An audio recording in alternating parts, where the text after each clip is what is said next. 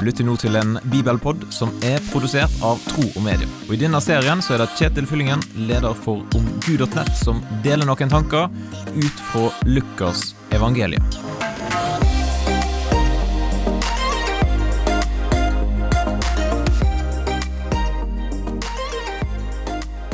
Hvordan er ditt eh, forhold til begravelse? De aller fleste av oss har vel vært i en eller flere begravelser. Min erfaring er at det er ganske stor forskjell på de begravelser der trua på Jesus er tatt med, og der trua er fraværende. I dagens tekst i evangeliet til Lukas kapittel 7 vers 11 til 17 så får vi et glimt av en begravelse som Jesus snur litt opp ned på. For der står det Kort tid etter ga Jesus seg på vei til en by som het Nain. Disiplene og en stor folkemengde dro sammen med han. Da han nærmet seg byporten, ble en død båret ut til graven. Han var sin mors eneste sønn, og hun var enke. Sammen med henne kom et stort følge fra byen. Da Herren fikk se enken, fikk han inderlig medfølelse med henne, og sa, Gråt ikke. Så gikk han bort og la hånden på båren. De som bar den, stanset, og han sa, Du unge mann, jeg sier deg, stå opp. Da satte den døde seg opp og begynte å tale, og Jesus ga han til moren.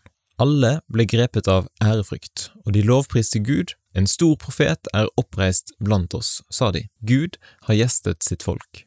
Dette ordet om ham spredde seg i hele Judea og området omkring.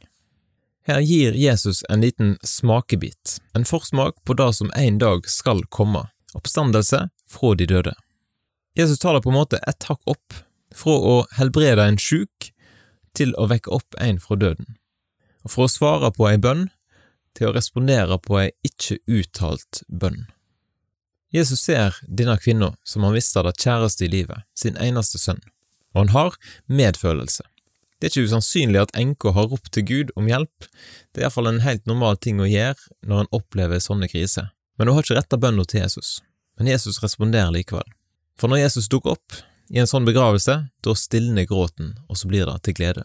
Jesus han letter litt på sløret og viser hvem han er, og hva han kan. Gud har gjesta sitt folk, er konklusjonen for de som ser dette. Jeg lurer forresten litt på hva denne gutten her sa, eh, det står jo ikke noe om, han sa at han begynte å tale, eh, så det er jo interessant om Lukas hadde skrevet ned det, men eh, nei, det har ikke han fått med seg. Men uansett, en dag så skal Jesus komme igjen, ikke for å gjeste sitt folk, men for å være her sammen med oss.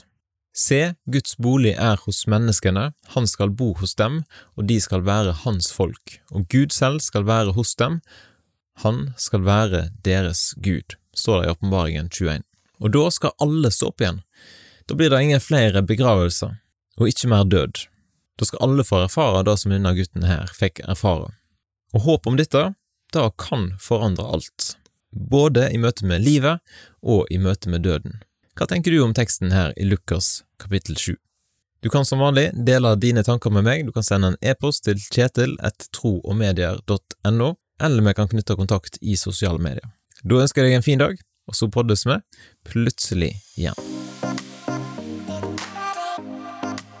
Takk for at du lytter gjennom denne bibelpodden, og vil du gi en tilbakemelding på det som du hørte, eller vil du lære mer om kristen tro, da kan du gå til nettsida omgud.nett. Eller du kan sende en e-post til kjetil.troogmedia.no.